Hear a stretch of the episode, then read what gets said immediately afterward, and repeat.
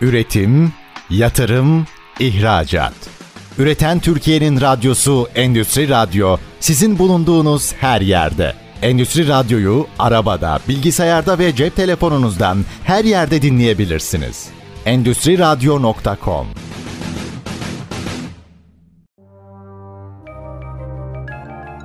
Koray İnan'ın hazırlayıp sunduğu Satış 4.0 Dünyası programı başlıyor. Herkese merhabalar. ST Endüstri Radyo'dan ben Koray'ın hazırlayıp sunduğu Satış 4.0 Dünyası programına hoş geldiniz. Bugünkü konuğum Türksel Kurumsal Satış Kanalları yöneticisi Murat Tavşancı ile birlikte kurumsal satış kanalları konusunu konuşacağız. Çok önemli bir konu. Satış çok önemli bir konu zaten bizim için firmalar için. Çünkü aslında bakarsanız firmaların can damarı satış olmazsa nakit akışı olmaz, karlılık olmaz, sürdürülebilirlik olmaz. Şimdi bugünkü konuda şu aslında hangi kanallardan yapıyoruz bu satışları veya yapabiliriz bu satışları biraz bunu konuşacağız. Belki de bu kanalların optimizasyonunu konuşacağız. Birçok farklı konuyu konuşacağız ve bu konunun üstadlarından, uzmanlarından biriyle konuşacağız. Murat merhabalar, hoş geldin. Merhabalar hocam. Nasılsın, nasıl gidiyor hayat? Sağ ol hocam, iyiyim sen de iyisin. İyiyim, çok sağ ol. Valla harikayız, bomba gibiyiz. Konu Süper. da çok iyi ve hani senin de bu konuyla ilgili uzmanlığını biliyorum. Özellikle bu 45 dakika 3 bölüm boyunca sana acayip sorular soracağım. Hazırladım zihninde hepsi. Hazırsan başlayalım istersen ama önce kendini tanıt istersen Murat biraz bizlere. Hocam teşekkür ederim. Öncelikle nazik davetin için böyle güzel, böyle değerli bir programda e, beni konuk aldığın için teşekkür ederim. Dinleyicilerle buluşturma fırsatı verdiğin için. Murat Tavşancı kimdir? E, Murat Tavşancı aslında satış mesleğine doğduğu günden beri başladığını iddia eden, satışı da bir meslek gibi görmeyip yaşam biçimi olarak gören birisi. Hatta çok para kazandıran adam olarak benim kişisel bir markam da var. Web sitem, blogum, yazılarım vesaire. Bu mahlazı kullanıyorum ben aslında yazılarımda, videolarımda ve paylaşımlarımda. Dolayısıyla satış mesleğinin tam içinde, can damarında olan biriyim. Tabii şu anki konum itibariyle e, uzun yıllar işin içinde çalıştığım için yaklaşık 150 kişilik bir satış kanalı ekibimden e, sorumluyum. Yaklaşık işte 125 bin kurumsal müşterinin olduğu bir satış kanalından sorumluyum. 150 e, kişilik bir ekiple bu işi e, yönetmeye çalışıyoruz sahada. Murat Tavşancı aynı zamanda Anadolu Üniversitesi İngilizce İşletme mezunu. Daha sonra üzerine iş hayatı içerisinde e, Boğaziçi Üniversitesi'nden Marketing Master, Finans Master, Sabancı Üniversitesi'nden Executive MBA ve yurt dışında da Kolombiya Üniversitesi'nde liderlik eğitimini de tamamlayarak aslında eğitim hayatında devam ettiriyor. Sürekli kendini geliştirmeye, okumaya da devam ediyor. Murat Tavşancı aynı zamanda da hobi olarak kendini geliştirdiği bilgilerin zekatını tabiri caizse e, vermeye çalışarak üniversitelerde konuşmalar yaparak, bloglarında yazılar yazarak ve çeşitli ortamlarda bu şekilde sizin nazik davetleriniz gibi davetlerde de konuşmalar yaparak bildiklerini, deneyimlerini paylaşarak bilgisinin, deneyiminin, zekatını vermeye çalışan satış mesleğinin aşığı bir insan diyebiliriz yani. Ve liderlik mesleğinin sadece satış değil, e, liderlik mesleğinin de aşığı bir insanım. Liderliğin çünkü bir yol olduğunu, inanılmaz bir enerjiyle beraber ve sevgiyle, aşkla beraber ancak yapılabilecek bir iş olduğunu düşünüyorum. İdareciden ve yöneticiden farkının da bu olduğunu düşünüyorum liderlik mesleğinin. Süpersin Murat. Vallahi harika güzel tanıttın kendini. Bu liderlikle ilgili kısmı belki başka bir programda konuşuruz ayrıca. Çünkü ben de çok önem veriyorum bu konuya liderliğe. Çünkü e, şunu da çokça gördüm ben sahadan da kendi deneyimlerimden. Çok iyi satış yapabilen birini mesela sadece çok iyi satış yaptı diye o satış ekibinin başına geçiriyorsunuz bazen. Özellikle liderlik yetkinlikleri o kasları kuvvetli değilse ya da kendini geliştirmediyse bu sefer hem çok iyi bir satışçıdan oluyorsunuz hem de ekibi, ekibi yönetecek bir lider bulamadığınız için ekibin motivasyonu ve satışları da düşmeye başlıyor. Çok ilginç bir konu bence özellikle satış tarafındaki liderlik. Bence bunu başka bir programda konuşalım. Çok önemli bir konu diye düşünüyorum. Şeye de katılıyorum dedin ya hani bilginin kefareti paylaşmaktır. O da çok önemli bence. Çok anlamlı bir sözdü. Murat şimdi şöyle yapalım istersen. Ben programlarımda hep dinleyiciler takip ediyorlar ve biliyorlar. Hep konuşacağımız sözcüklerin ya da konu başlığının kavramsal bir açılımını yapmak istiyorum. Hep bunu soruyorum konuklarıma. Dolayısıyla o kelimenin içini bir dolduralım istiyorum. Dolayısıyla da sana şunu soracağım aslında. Satış kanalları deyince ne anlamalıyız? En azından hani sen ne anlıyorsun öyle sorayım. Çok akademik olarak anlatmana gerek yok ama sen ne düşünüyorsun? Zihninde ne canlanıyor satış kanalı deyince? Satış kanalları hocam aslında şirketin mevcut satış personelinin kendi bordosundaki satış personelinin haricindeki satış yapabilen bütün alanlar aslında bir satış kanalı olarak değerlendirilebilir. Bu yaratıcı da olabilir. İlla mevcut uygulanan yollar ve kanallar olarak da düşünülmeyebilir. Geleneksel olarak düşünüldüğünde bayilik, franchise gibi sistemler satış kanalları olarak adlandırılır.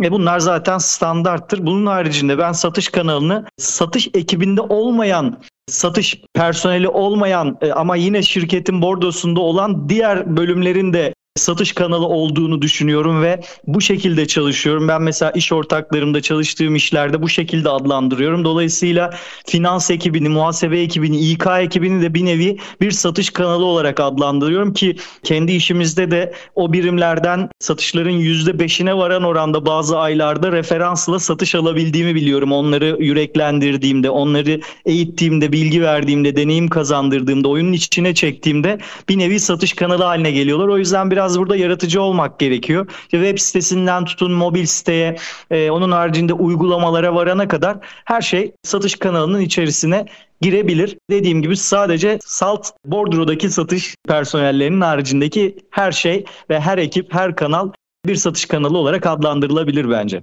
E, tanım süperdi. Benim Bodrum'da çalışan satış ekipleri var, ekibi var. Bunun dışındaki bütün kanalları aslında aklımıza geliyor satış kanalları deyince. Bir de şunu çok beğendim ben bence müthişti. Diğer bölümler örnek verdim finans, muhasebe, insan kaynakları bunlar da benim için birer satış kanalı dediğini duydum.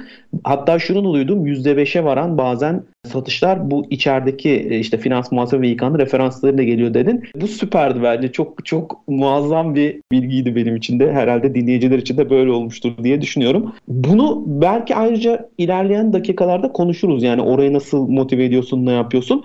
Fakat ikinci sorum şu olacak. Şimdi bir çerçeve çizdik yani kanal deyince ne kanala girer bir çerçevesini çizdin. Şirketler neden peki farklı satış kanallarını kullanmalı diye bir soru sorsam onun için nasıl doldurursun? Hocam yine çok güzel soru sordunuz her zamanki gibi. Neden kullanmalı? Çünkü sürekli büyümek zorunda şirketler. Büyümediği takdirde rekabet vahşi, e, her sektörde artık vahşi.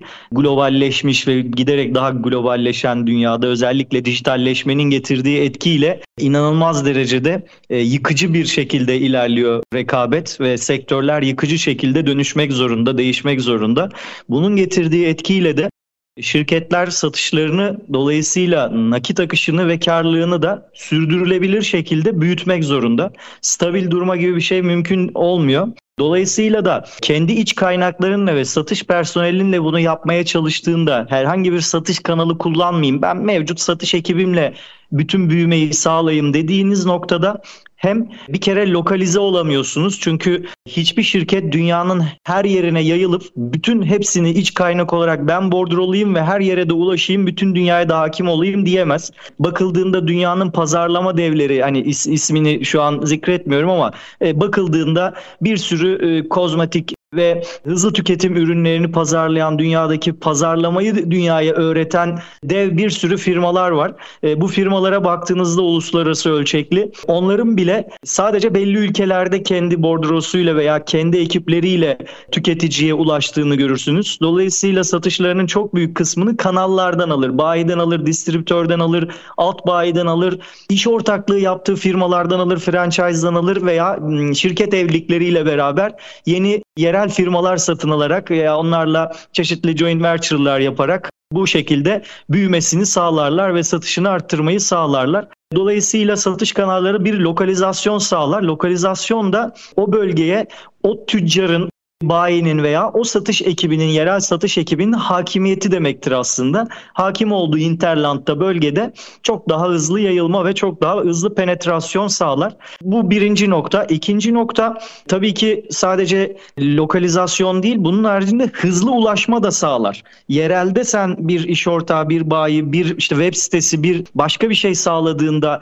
tüketicine zamanın olmayan veya o satış ekibine e, henüz temas etme fırsatı olmayan insanların da bulunduğu her yerden mesela omnichannel e, denir ona e, hatta bazı firmalar olayı şuraya getirmiştir. İnternet sitesinden bakarsınız, beğenirsiniz. Orada stok yoktur.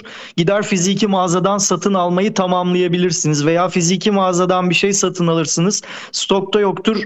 İnternete yönlendirir, internetten satın alırsınız, evinize kargo ile gelir. Dolayısıyla bütün kanalları entegredir. Uygulaması, web sitesi, mobili, fiziki mağazasıyla komple entegre çalışır bütün kanalları. Bu sayede aslında tüketiciye her yerden dokunmak ve tüketiciyi kaçırmamak üzerine kurgulanır sistemler. Dijitalleşmenin de gücünü alarak. Bu da diğer bir etkidir. Hızlı ulaşım, tüketiciye hızlı ulaşım ve sürekli ulaşım ve kolay ulaşım. Üçüncü noktada işin bir verimlilik boyutu, maddi boyutu. Her şeyi iç kaynakla yönettiğinizde kanal kullanmadan direkt satış ekibiyle her şeyi yönettiğinizde tabii ki çok maliyetli bir operasyon olur. Tüm dünyanın her yerine satıcı göndermek.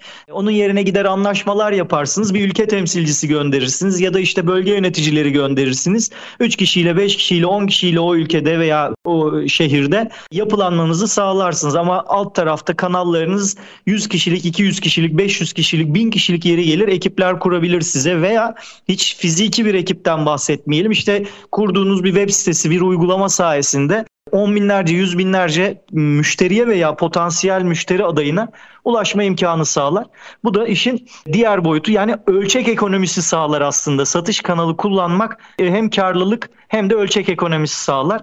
Bu üç nedenle kabaca e, satış kanalı kurmak ve satış kanallarının çeşitliliğini arttırmak faydalı olur şirketlere diye e, yorumlayabilirim. Murat süper şeyler duydum senden. Şimdi not aldım aslında 3 ana temeli var dedin. Nedeni var dedin daha doğrusu. Bir tanesi büyümek için lokalize olmak gerekiyor dedin. Diğeri hızlı ulaşım çok önemli dedin. Burada omnichannel'a atıfta bulundun. Bir de verimlilik ve ölçek ekonomisi dedin. Yani bu üç temel e, sebep aslında zaten var olmanın ana sebeplerinin de başında.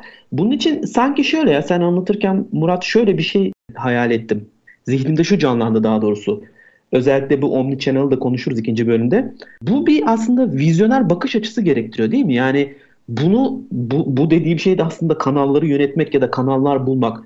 Bu çok vizyoner bir zihin ne gerek var herhalde bu tip e, bir aksiyon almak için? Bilmiyorum bana öyle gibi geldi ama sen ne düşünüyorsun? Hocam kesinlikle katılıyorum. İşin en en önemli noktası aslında o vizyonerlik bir. İkincisi de bu mental vizyoner dönüşümü içinde hissetmek ve yaşamak.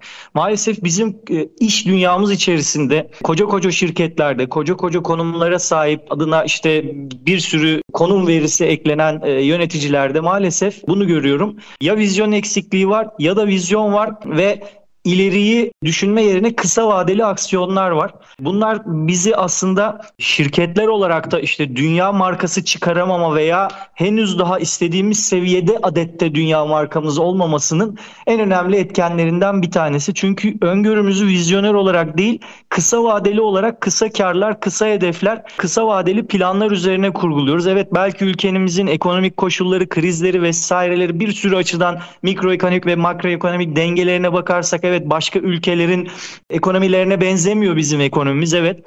Bunu anlarım ancak yine de buna rağmen öngörülemez noktaların içerisinde bile uzun vadeli vizyoner düşünceler, planlar yapmak mümkün. Bu yeter ki insanın içinde olsun. O mental kabullenmeyi yaşamak gerekiyor. Yani ben hayatımı günlük kısa vadeli karlar peşinde mi yaşamalıyım yoksa uzun vadeli planlar peşinde mi? Bu bugün bir uluslararası dergide bir yazı okudum hocam. Yazıda da ekibime de gönderdim hatta onu. Çok kısa cümleyi özetliyorum yazını bir cümleyle. Diyor ki hı hı. strateji ancak iyi icrayla e, strateji olur. Yoksa hiçbir anlamı yoktur. Dolayısıyla iyi vizyon da aynı şekilde iyi icra ile olur. İyi icrada da bazen acil işleri yapmak gerekirse diyor acil işler size kısa vadeli karlar getirir ama yeni bir şeyler katmak istiyorsanız üzerine bu size büyüme getirir ve uzun vade karlar getirir.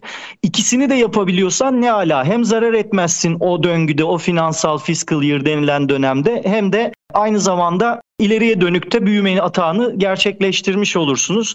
Bu ikisini yapamıyorsanız da ben diyorum ki ekibime acil işlerden vazgeçin. Bu ay zarar edelim, bu ay hedefimiz tutmasın ama yeter ki büyümekten vazgeçmeyelim ve stratejimizden sapmayalım. Dolayısıyla iyi icranın sırrı bence bu.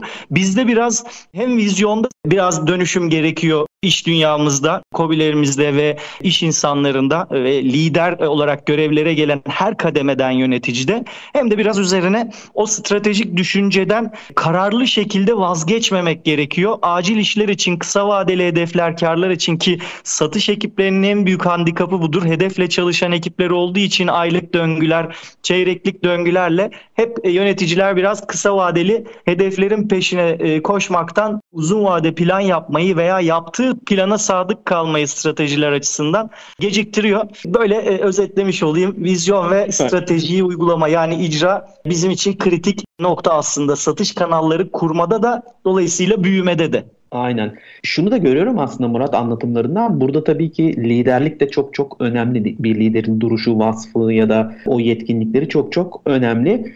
Dolayısıyla aslında senin anlatımlarından benim zihnimde oluşan şey demek ki aslında doğru bir algı oluşmuş. Bu iş yani kanal kurma, kanalları yönetme işi gerçekten vizyoner bir bakış açısı gerektiriyor. Şimdi ilk bölümümüzü tamamlamış oluyoruz. İkinci bölümde neler konuşacağız? Biraz teaser vereyim. Şimdi ilk bölümde kavramlar üzerinden konuştuk. İkinci bölümde ve üçüncü bölümde biraz daha bu kavramların hayata nasıl geçirildiğini ve nasıl yönetildiğini konuşacağız. Dolayısıyla biraz daha aslında sahadan da sevgili Murat'ın gözlemlerini alıyor olacağız. Fakat öncesinde kısa bir ara, aradan sonra tekrar sizlerle birlikte olacağız. Bizimle kalmaya devam edin. Üretim, yatırım, ihracat. Üreten Türkiye'nin radyosu Endüstri Radyo sizin bulunduğunuz her yerde. Endüstri Radyo'yu arabada, bilgisayarda ve cep telefonunuzdan her yerde dinleyebilirsiniz. Endüstri Radyo.com Herkese tekrar merhabalar. ST Endüstri Radyo'dan ben Koray İnan'ın hazırlayıp sunduğu Satış 4.0 Dünyası programı bugünkü konu Türksel Kurumsal Satış Kanalları yöneticisi Murat Tavşancı ile birlikte kurumsal satış kanalları konusunu konuşuyoruz. İlk bölümde biraz daha kavramları konuştuk. Kurumsal satış kanalının ne demek olduğunu konuştuk. Neden çok önemli ve neden bunu vizyoner bir bakış açısıyla kendi şirketlerimize uygulamamız gerektiğini konuştuk. Şimdi bu bölümde de yani ikinci bölümde de aslında şu soruyla başlamak istiyorum. Şirketler satış kanallarını nasıl oluşturmalılar? Bu süreç nasıl oluyor? Nelere dikkat etmeliyiz? Çünkü hani şey demiştik ya birinci bölümün sonunda bu bir vizyoner bakış açısı gerektiriyor. Dolayısıyla bu bir yolculuk aslında aynı zamanda. Buradaki temel aklıma aslında gelen ana soru şu. Bu kanallar nasıl oluşturulmalı sence Murat? Teşekkür ederim Koray Hocam. Satış kanalları oluşturmadan önce hedef kitlerin iyi belirlenmesi gerekiyor bence. Hangi hedef kitleye dokunmak istediğimizi, o hedef kitlede nasıl bir büyüme, nasıl bir pazar payı hedeflediğimizi aslında iyi bilmemiz gerekiyor. Dolayısıyla satış kanallarının öncesinde pazarlama birimiyle veya üst yönetimle koordineli bir pazarlama politikası ve planı çıkartılmalı. Hedef kitle ve müşteri kitlesi segmente edilmeli. Ondan sonra ben bu hedef kitlemin hangisine mevcut satış ekibimle dokunurum, hangisine satış kanallarıyla dokunurum kararı ondan sonra verilmeli. Sonraki aşamada artık işte satış kanallarında ben dijitalden mi dokunmalıyım yoksa bir bayi mı kurmalıyım yoksa bir franchise ağı mı kurmalıyım hatta alt bayi ağı mı kurmalıyım onlara bir distribütör ağıyla mı dokunmalıyım gibi gibi aslında sorular ve soruların cevapları ortaya çıkıyor. Bu cevapları belirlerken de yine alt detaylarda şunlara bakılabilir. Bir kere tabii ki işin en önemli noktası işin finansal boyutu. Ben hangi bütçede ne kadarlık bir etki yaratmak istiyorum buna bakmak gerekiyor. Diyelim ki fiziki bir satış kanalı kurmak istedik bir bayi oluşturmak istedik veya bir franchise e, oluşturmak istedik. İkisinde de bizim dikkat etmemiz gereken en önemli nokta bence yine vizyoner bakış açısı olmalı. Siz dünyanın en iyi kurumu olursanız en iyi pazarlama şirketi olun. Bütçeleriniz inanılmaz güzel olsun. Çok vizyoner bir şirket olun. Müthiş dijital altyapılarınız olsun. Ama o bölge, o şehir veya o hinterland için seçtiğiniz partneriniz olan iş ortağınız, distribütörünüz, bayiniz, franchise'ınız adına her ne derseniz deyin vizyoner değil. Hiçbir şey elde edemiyorsunuz o bölgede. Yani ediyorsunuz ama hani sizin elde ettiğiniz şey olmuyor. Aynı şey gibi düşünün.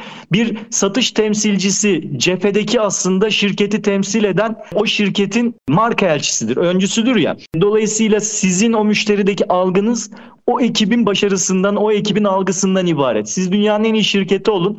Gönderin bir tane satış temsilcisi firmaya veya bir mağazanıza bir müşteri gelsin bireysel bir müşteri olarak e, düşünürsek. O satış temsilcisi müşteriye yaşattığı deneyimde lanet okutacak kadar kötü bir deneyimse o şirketi siz dünyanın en büyük müşteri e, firması olun. O insanın gözünde, o müşterinin gözünde yerle birsiniz. Yani her şey o satış temsilcisinin verdiği hizmet ve deneyimden, yaşattığı deneyimden ibaret. Tam tersi de olabilir. Şirketi rezil ettiği gibi az önceki örnekte vezir de edebilir. Siz ortalama bir şirket olabilirsiniz. Çalışanınız öyle güzel hizmet verir, öyle güzel ilgilenir ve öyle güzel hissettirir ki deneyimi satış öncesi ve esnasında ve sonrasında şirketinize dua eder tabiri caizse hale gelir müşteriniz. Marka elçiniz olur sizin adınıza. İşte o zaman da e, size inanılmaz bir deneyim getirir. Bu çalışan için de böyledir. Satış kanalı için de böyledir. Satış kanalında da o deneyimi aynı e, olumlu veya olumsuz yaşatabileceğini düşünerek kendi vizyonunuza uygun iş ortağı seçmelisiniz. Yani yerelde çok iyi olması, işte yerelde çok tanınıyor olması, işte çok iyi bir parası olup e, sermaye olarak güçlü bir sermaye altyapısı olması. Maalesef görüyorum ki farklı farklı yerel firmalarda bayi seçerken hemen kolay yoldan o markaya en çok para yatırabilecek finansal gücü en yüksek iş ortağını bayi franchise'ı kendini tercih etme eğilimi var. Genel olarak yorumluyorum tabii genelleme yapıyorum. Buna uymayan çok kıymetli firmalar, yöneticiler, liderler var. Ee, ancak genelini böyle görüyorum. Bu bir handikap. Burada vizyonu paylaşmadığı için kısa vadede o demin bahsettiğim satış ekiplerinin o kısa vadeli düşünmesi gibi bu da bir kısa vadeli düşünce oluyor. Belki kısa vadede siz size bir şey getiriyor gibi görünse de vizyonunuzu paylaşmadığı için uzun vadeli bir yol yürüyemiyorsunuz, işi büyütemiyorsunuz veya o bölgede satıştan sonra müşteriyi yönetemiyorsunuz. Devamı gelmeyebiliyor. Bunun için de yine sizin gibi uzun vadeli düşünen vizyoner liderler ve iş ortaklarını tercih etmelisiniz. Finansal konular bence sonradan gelmeli.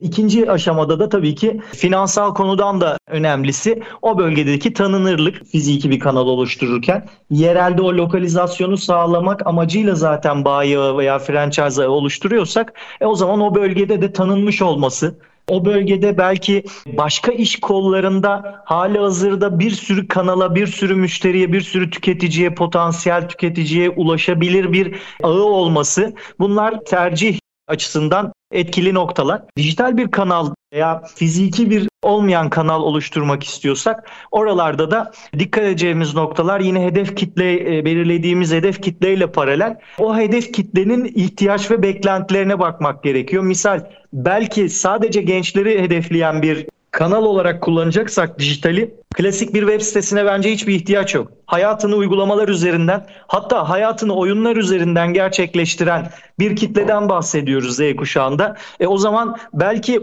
uygulamaya bile gerek yok. Bir oyun yazarsınız oyunun üzerinden belki satışlarınızı gerçekleştirebilirsiniz gibi gibi. Yani hayal gücünü geniş tutmak gerekiyor. İlla klasik bakış açılarıyla hareket etmemek gerekiyor. Bir sürü firma tanıyorum yaratıcı belki çok tanınmayan. Uygulama hariç ne web sitesi olan ne başka bir şey olan onu böyle sadece basit bir web sitesi kuruyor. O da şey resmi hukuki o ülkenin standartlarına uyabilmek için orada bir tane ticaret kanunu uygun basit bir web sitesi koruyor ama onu bir satış kanalı olarak kullanmıyor yani aslında. Sadece markanın bir kurumsal kimliği olarak tutuyor.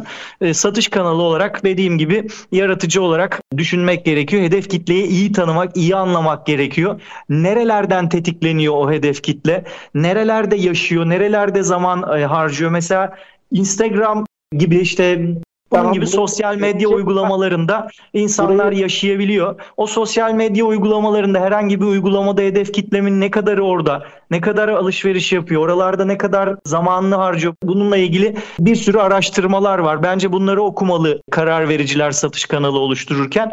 Oralarda yayın yapmalı mıyım? Oralarda kanal açmalı mıyım? Oraya bir satış ağı kurmalı mıyım? Hangi sosyal medya hesabına yüzlerce sosyal medya hesabı var. Yerel ve uluslararası. Onların hepsini test edip denemesi gerekiyor diye düşünüyorum. Bu şekilde satış kanalı oluştururken bunlara dikkat etmek gerekiyor. Murat şey duydum senden. Şimdi bir kere bayi ve iş ortaklığı seçimi çok önemli dedim. Bu kritik noktaları, püf noktaları da anlattın. E, süreçte dikkat edilmesi gereken yerleri de anlattın. Bir de tabii şöyle diyelim ki bir bayi ya da iş ortaklığı seçti firmalar. Yani kanal e, kurma çerçevesinde artık diyelim ki anlaşmalar yapıldı. Yani o ilk aşama geçildi. Burada da bir aslında burası da bir ilişki yönetimi sonuçta. Karşı tarafta bir bayi var. Senin bir ürününü ya da hizmetini satıyor. Dolayısıyla bir ilişki geliştirmen gerekiyor burada karşılıklı olarak. Bu ilişkiler nasıl geliştiriliyor veya nelere dikkat etmek gerekiyor bu bayi ve iş ortaklığı yönetiminde? Hani senin gözlemlerin neler? Çünkü bazen çok küçük şeylerden müthiş başarılar doğabiliyor. Yine çok küçük şeylerden müthiş pürüzler ve iş ortaklıklarının bozulduğunu görebiliyoruz. Hani senin kendi gözlemlerin neler bu ilişki yönetimiyle ilgili bayiler ve iş ortaklığı kapsamında? Yine duygusal bir toplum olduğumuz için hocam duygusal olarak davranış şekilleri geliştirebiliyor insanlar. Gördüğüm iş hayatı içerisinde de sonuçta insan bu işi. Bayi yöneten de insan, şirketleri yöneten de, şirketleri kuran da, batıran da hep insan.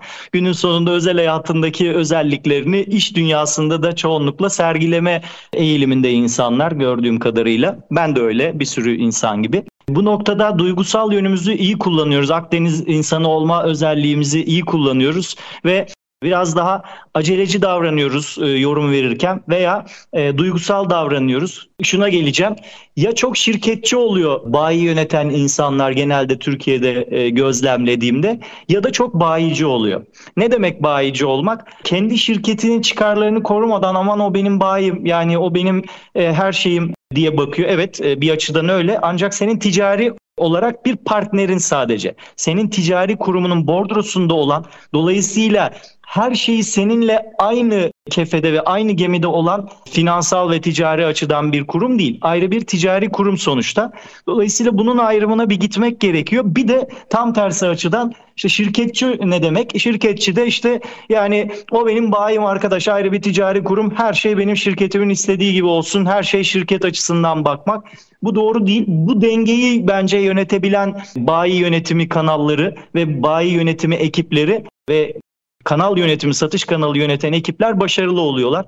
Benim gördüğüm model her üç modeli de gördüm, her üç modeli de deneyimledim. Her üç modelin de içerisinde en iyi modelin dengeyi kurabilen, dolayısıyla bayisinin yanında da durabilen, onun haklarını, çıkarlarını korumaya çalışan ve bunu koruduğunu da hissettiren, gerçekten bunu da samimice yaptığını gösteren ancak şirketine de şirketinin haklarını ve çıkarlarını da her daim korumaya çalışan Dolayısıyla aradaki bir hakem gibi duran ve o noktayı sağlayabilen, denge yönetebilen bir profil olmalı bayi yönetim ekipleri. Benim başarılı gördüğüm model açıkçası bu. Denge yönetimi. Aslında şey gibi siz çok daha iyi bileceksiniz hocam benden. Durumsal lider denir ya. Bence bayi yönetiminde de durumsal liderliği normal üst yöneticilikte veya şirket tepe yönetimini yaparken de uygulanan yeni dünyanın kavramı durumsal liderliği de e, yine bayi yönetiminde de bence bayi yöneticileri uygulamalı ve kullanmalı diye düşünüyorum. Bunun başarılı olduğunu düşünüyorum. Yani duruma göre aslında yani oradaki bayiye, oradaki bölgeye, oradaki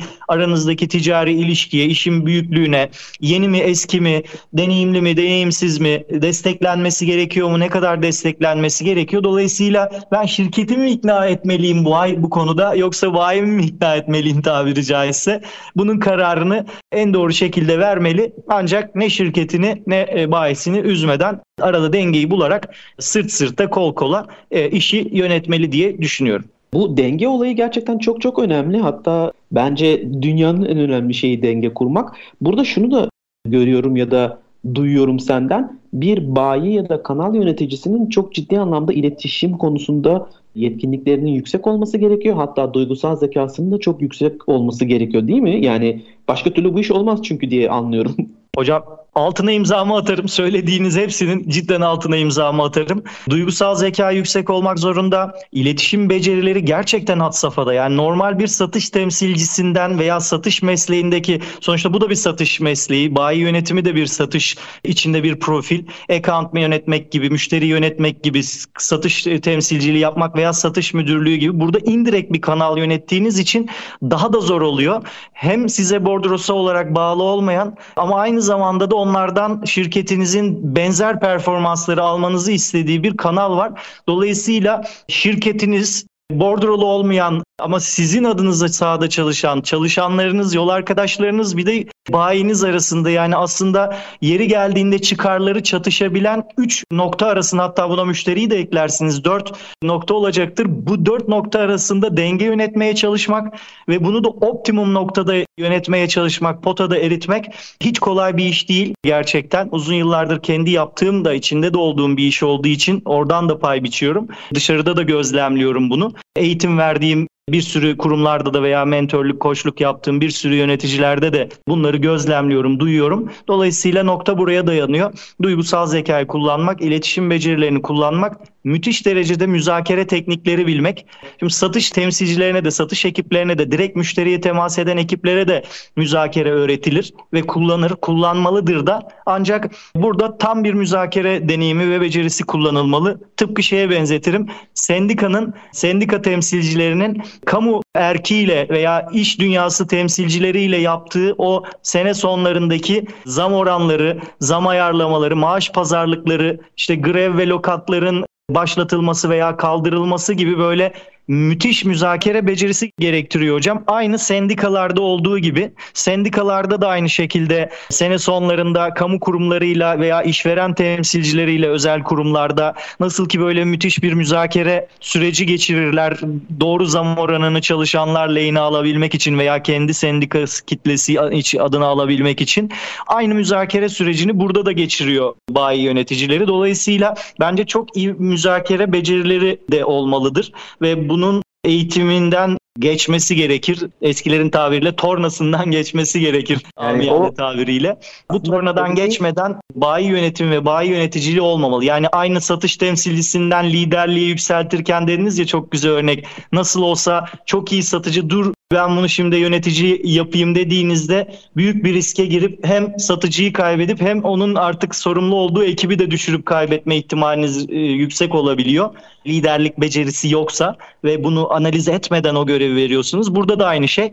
Çok iyi bir yönetici veya çok iyi bir satış temsilcisi Allah'tan bu kesin çok iyi e, artık işte iyi de bir performans gösterdi. İşte bir sürü bir sürü özellikleri var. Bir sürü de eğitimler almış. Aa tamam kesin çok iyi bayi yöneticisi olur. Hiç öyle olmuyor fiiliyatta. Müthiş bir müzakere tekniği, eğitimi ve altyapısı olması gibi. Buna yeteneği de olması gerekiyor. Buna Tabii. yatkınlığı da olması gerekiyor bence. İletişim dedik, müzakere dedik ve insan ilişkisi yönetimi dedik. Bunları iyi yönetebilmesi gerekiyor ve finansal okul yazarlık. Burada çünkü bir ticaret yönetiyorsunuz. Normal bir satış müdüründen, normal bir satış ekibi yönetiminden, direkt kanal yöneten bireysel veya kurumsal müşteri B2B, B2C fark etmez. Bayi yönetiminin temel farkı ticaret yönetiyorsunuz aslında. Bir business yönetiyorsunuz, bir iş yönetiyorsunuz.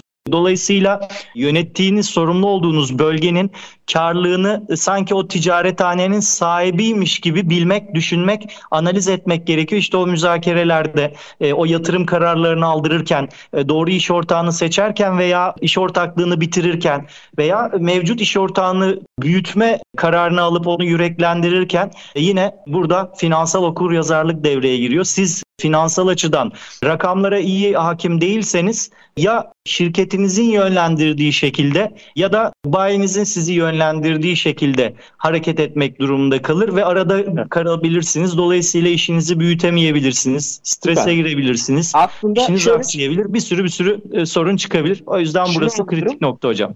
Şunu anlıyorum aslında denge çok çok önemli diyorsun ve gerekli olan yetkinlikleri kazanması da çok çok önemli diyorsun. Bunlar iletişim, müzakere, finansal okuryazarlık gibi yetkinlikler çok çok önemli diyorsun. Şimdi ikinci bölümümüzün de sonuna geldik. Üçüncü bölümde ne var? Üçüncü bölümde biraz daha dijital kanallar ve omnichannel'ı konuşuruz. Çünkü önemli bence. Birinci bölümde özellikle biraz bahsettik. Fakat öncesinde kısa bir ara. Aradan sonra tekrar sizlerle birlikte olacağız. Bizimle kalmaya devam edin. Üretim, yatırım, ihracat. Üreten Türkiye'nin radyosu Endüstri Radyo sizin bulunduğunuz her yerde. Endüstri Radyo'yu arabada, bilgisayarda ve cep telefonunuzdan her yerde dinleyebilirsiniz. Endüstri Radyo.com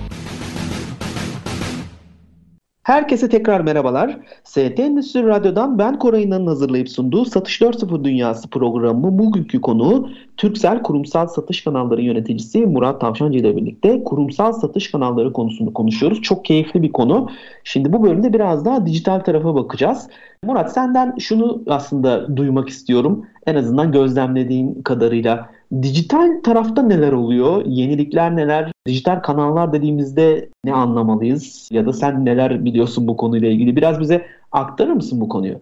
Çok güzel bir nokta hocam. Teşekkür ederim. Dijital kanallar aslında web sitesinden e, klasik olarak en e, ilkel versiyonu olan web sitesinden standart bir internet sitesinden mobil siteye, sonrasında uygulamaya, hatta onun ötesine konuyu geçirip daha alternatif satış kanalları oluşturmaya kadar e, gidiyor. İşte az önce aslında biraz önden birkaç bilgi ve veri vermiş oldum. O, o da mesela oyun üzerinden yani oyun üzerinden de müşterilerine dokunabilen firmalar var. Geliştirdiği bir oyunun içerisine başka bir oyunun içerisine entegre olup bir iş ortaklığı anlaşması yapıp orada kendine bir buton, bir alan ayırıp Orada oyun oynayan insanların alternatif markanın, alternatif bir iş kolunun müşteri temsilcisine veya satış ekibine, kanalına ulaşıp o oyunun içerisindeyken hiç o oyundan çıkmayıp o dünyanın içerisindeyken bir şeyler satın almasını sağlatabilmek bile bir ne diyeyim alternatif satış kanalı aslında. Yaratıcı bir e, satış kanalı. Kendi oyununuzu geliştirmek ve oyunun içerisinde oyun oynatırken insanlara alışveriş deneyimi yaşatmak bu da bir alternatif satış kanalıdır. Onun haricinde Mesela mevcut hizmet kanalınız içerisinde online hizmetler diye bir kanal oluşturdunuz ve bazı hizmetlerinizle ilgili bir, uygulama üzerinden müşterilerinize dokunuyorsunuz ve bazı ürünlerin, servislerin işte bittiğini, bilgilerini almak istiyorsunuz. Taahhüdün varsa taahhüdün sözleşmenin süresini görmek istiyorsunuz. Carinizi görmek istiyorsunuz.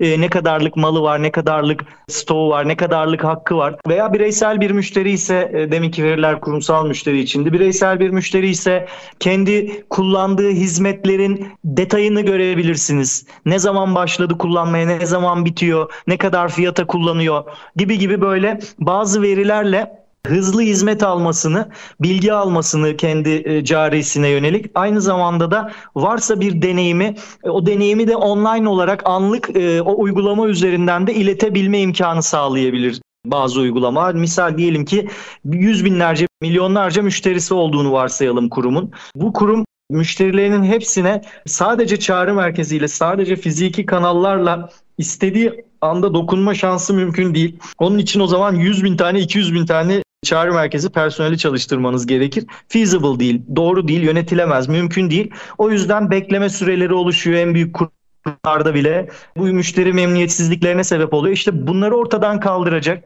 hem maliyetleri azaltacak hem daha hızlı insanların daha kolay olarak kurumlara ulaşabilmesini sağlayan şekilde uygulamalar geliştirerek oradan müşteri deneyimi veya deneyimsizliği yani olumsuz yaşadığı bir deneyimde olabilir. Bu iyi yaşadığı bir deneyimde oradan anlık olarak iletebileceği sonrasında yine omnichannel e, diyorum yani bütünleşik pazarlama, bütünleşik kanallar arka tarafta birimlerle o uygulamanın entegre olması da çok kritik. Yani salt oraya bir tane kanal koydunuz uygulama işte onu aldınız bir tane santral görevlisine düştü. O kime gönderirse diye araştırdı, buldu. Yani sistemsiz bir hal işi e, daha olumsuz şeylere ve kötü müşteri deneyimlerine götürebilir. Hız isterken hızı düşürmüş olursunuz aslında müşteriye karşı. Ama siz arka tarafta kanalları entegre ederseniz misal konu bir satış kanalı yöneticisini ilgilendiriyorsa olumsuz deneyim arkada ufak bir yapay zeka koyarak orada yapay zeka kelimelerden müşterinin yazdıklarından hatta attığı ses kaydından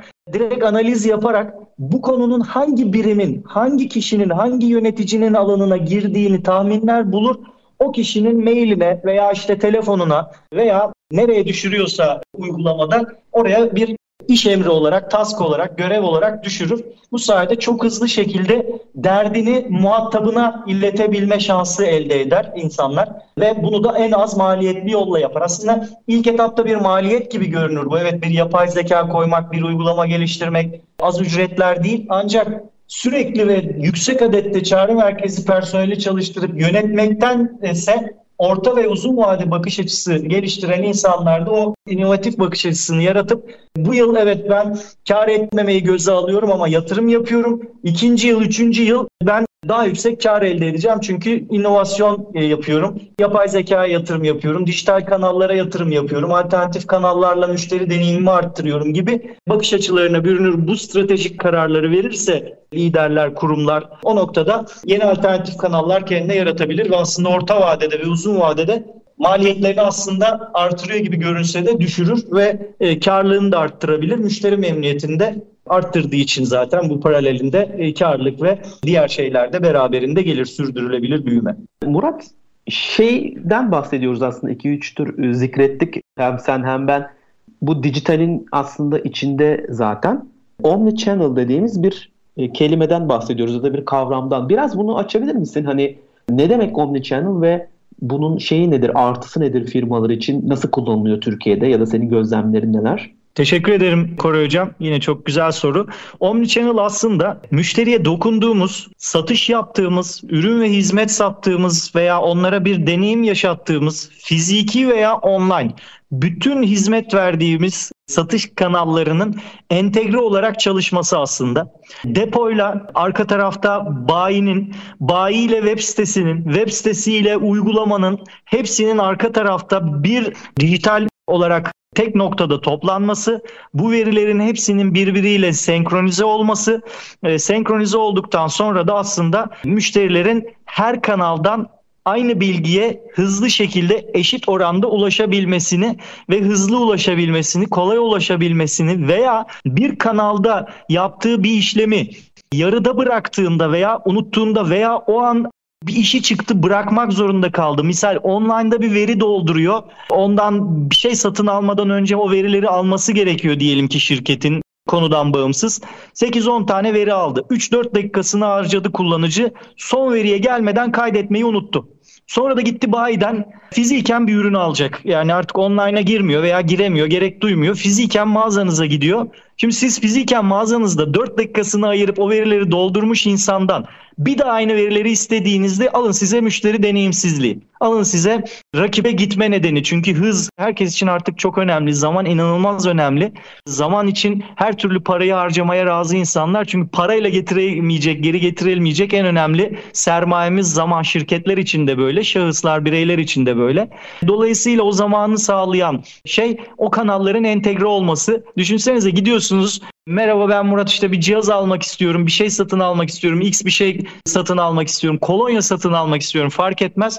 Sonra gidiyorsunuz o kolonya e, firmasının mağazası size diyor ki soy isminizle hitap ediyor. Ya işte şu şu şu şu, şu bilgileri de doldurmuşsunuz. E, biz sizi uğraştırmayacağız merak etmeyin. Onlar kaydol, e, kaydoluyor bizim altyapımızda. Biz de burada entegre görüyoruz.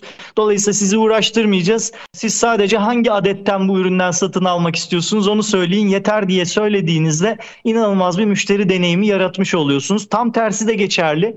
Bir bayinizde veya bir satış mağazanızda yaşadığınız bir alışveriş deneyimiyle ilgili oradaki verilerin, oradaki bilgilerin web sitesindeki sizin sayfanızda, sizin carinizin olduğu müşteri accountunuzla girdiğiniz yerde de görünebiliyor olması da yine inanılmaz güzel bir şey. Siz bir giriyorsunuz aslında daha önce fiziki mağazadan satın aldığınız ürünlerin detayını düşünsenize gidiyorsunuz X bir market zincirine ama onun online uygulamasına girdiğinizde o marketten daha önce yaptığınız alışverişlerin tarihlerini, tutarlarını görebiliyorsunuz. Size çok basit bir uygulamayla alışveriş trendinizi gösteriyor, harcama eğiliminizi gösteriyor, harcamalardan kazandığınız puanları gösteriyor vesaire. Yani inanılmaz bir deneyim yaşatır size bu. Bu sayede online'dan alışveriş yaparken de sizi tetikleyebilir ve bazı kararlar vermenizi, daha çok alışveriş yapmanızı veya sürekli o kurumdan alışveriş yapmanızı sağlayabilir. O yüzden bütün kanalların birbiriyle entegre olması işin özü Omnichannel olarak adlandırabiliriz.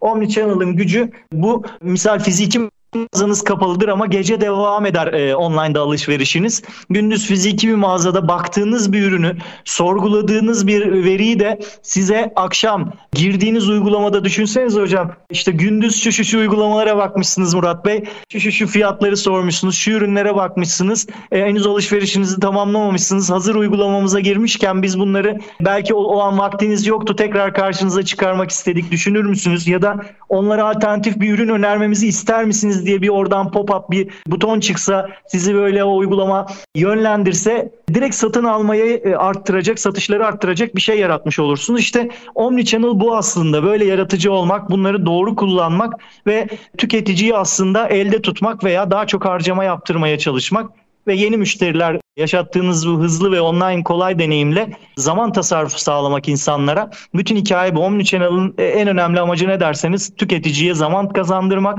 parayla geri gelmeyen bir şeyi sağlamak insanların hayatına.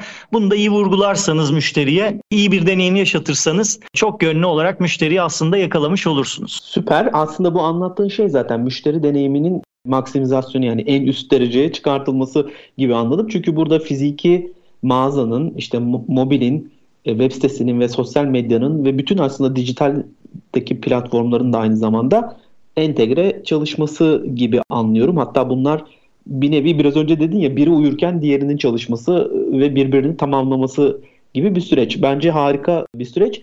Çok da yaratıcı şeyler yapılabilir. Belki hani sırf bunun için bile ayrı bir programda konuşulur diye düşünüyorum ama zamanımız ne yazık ki 3. bölümde sonuna gelmek üzereyiz. Sevgili Murat ve çok güzel şeyler, konular, çok güzel bilgiler.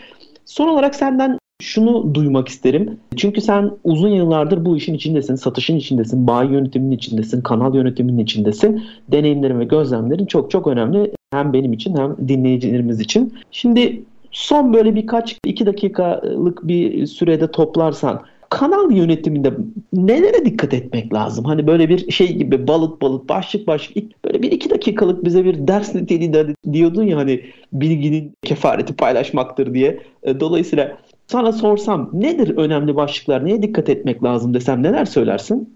Hocam çok teşekkür ederim kıymetli hocam. Hemen özetliyorum. Öncelikle kanal yönetmek bir kere insan yönetiyorsunuz aslında. Karşı tarafta insan yönetmeyi iyi bilmek gerekiyor. Liderlik becerilerinin hat safhada olması gerekiyor. Kanal yönetimi yaptıracağınız her kademeden insana buna bölge yöneticisi, kanal yöneticisi, bölge müdürü, grup müdürü adına ne derseniz deyin kademelerce hepsinin insan yönetiminin liderlik becerilerinin çok iyi olması gerekiyor. İnsan ilişkilerinin e, inanılmaz derecede yüksek olması, müzakere becerilerinin en az bir sendika temsilcisi kadar kamu kurumlarıyla veya işveren temsilcileriyle pazarlık yapan o sendika temsilcileri kadar müzakere becerilerinin kuvvetli olması gerekiyor.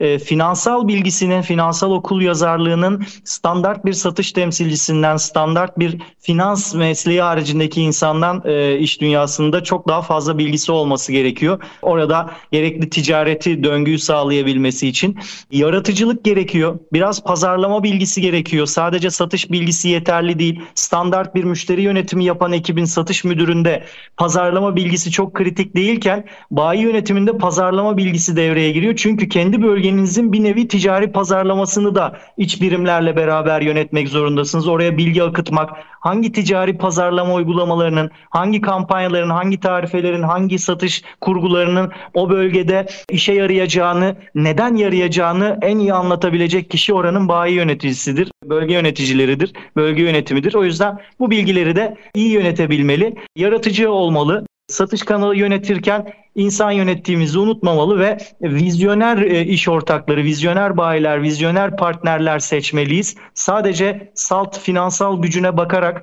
bölgedeki tanınırlığına bakarak bayi yönetimine kısa vadeli bakış açısıyla karar vermemeliyiz. Ayrıca satış kanalları yönetmek sadece fiziki kanal yönetmek değildir. Online kanalları da yaratıcı şekilde düşünüp hedef kitleyi iyi bilip iyi tanıyıp hangi hedef kitleye dokunacaksak o hedef kitle nerelerde yaşıyor? Hangi uygulamalarda yaşıyor? Nerelerde artık satın almayı tercih ediyor ve nerelerde çok zaman harcıyor bunları iyi analiz etmek gerekiyor ve ona göre satış kanallarına yeni dönemde yatırım yaparken işte ben fiziki kanallarımı azaltıyorum hatta komple kapatıyorum kararı bile verilebilir. Yaratıcı olmak gerekiyor. Çok klasikçi, çok gelenekçi olmamak gerekiyor. Gerekirse tamamen e, online kanallardan dokunuyorum kararına bile geçilebilir ama bunun için iyi araştırma yapmak gerekiyor. Hedef kitleyi çok iyi tanımak gerekiyor ve omnichannel dediğimiz aslında bütünleşik pazarlamayla veya bütünleşik değişik satış kanalları yaratarak dolayısıyla da dijitalleşmeye ve dijital dönüşüme de yatırım yaparak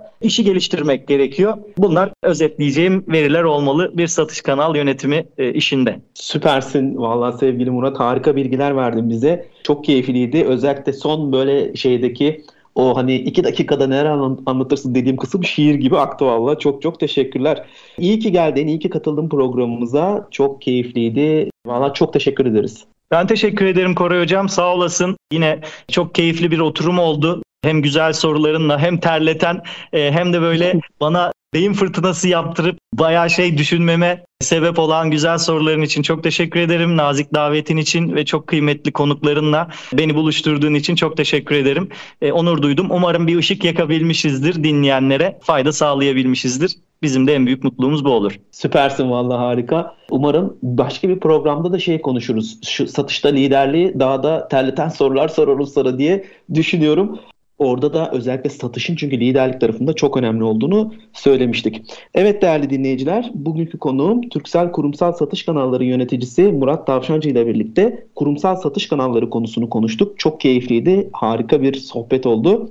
Haftaya tekrar süper bir konuk ve süper bir konuyla görüşmek üzere. Sağlıcakla kalın.